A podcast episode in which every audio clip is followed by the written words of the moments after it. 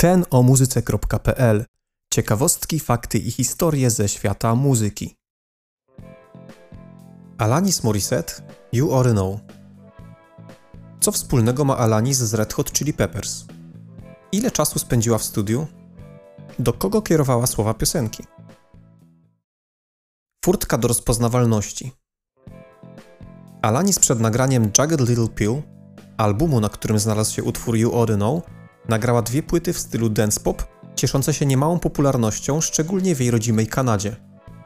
Druga z nich sprzedała się jednak znacznie gorzej od pierwszej, przekreślając jej szanse na przedłużenie kontraktu z wytwórnią.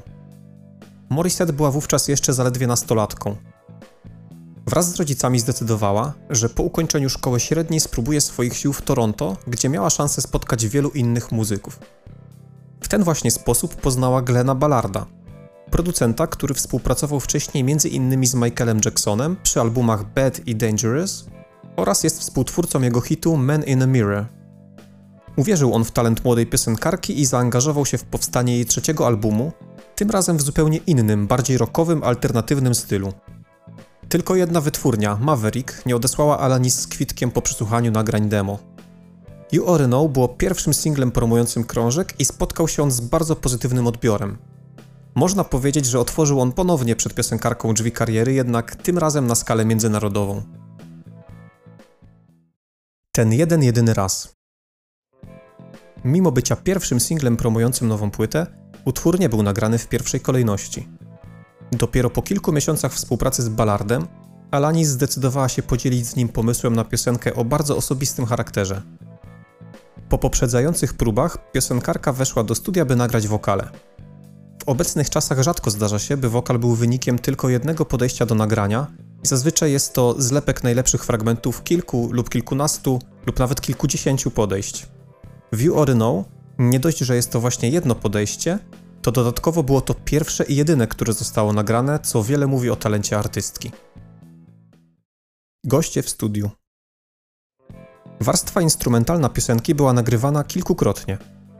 Na YouTube można znaleźć chociażby jej wczesną wersję, link do niej znajdziecie w źródłach, i zupełnie nie przypomina przeboju, który wszyscy kojarzymy.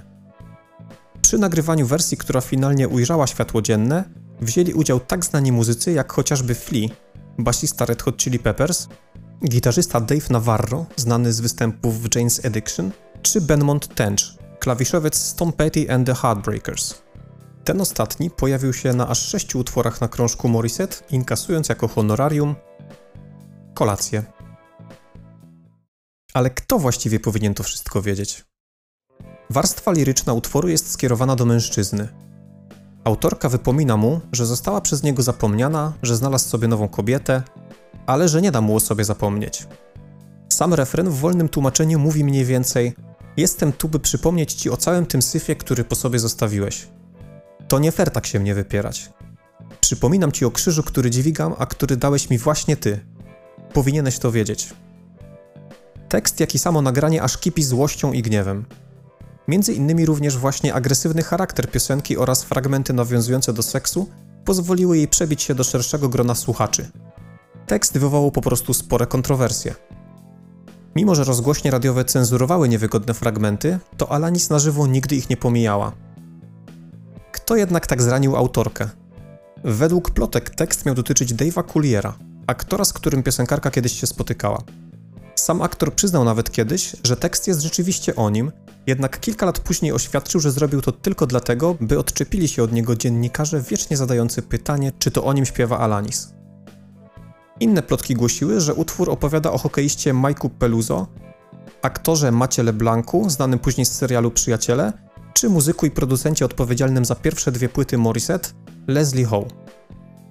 Sama artystka oświadczyła, że tekst jest rzeczywiście kierowany do mężczyzny, którego znała, jednak nigdy nie wyjawi jego tożsamości. Covery Piosenkę na koncertach wykonywały Beyoncé oraz Britney Spears. Ciekawe aranżacje nagrały m.in. takie grupy jak Richard Cheese and Lounge Against the Machine, Off the Beat czy Thousands Mona Lisas. W dzisiejszym odcinku to już wszystko. Do usłyszenia w następnym. Cześć!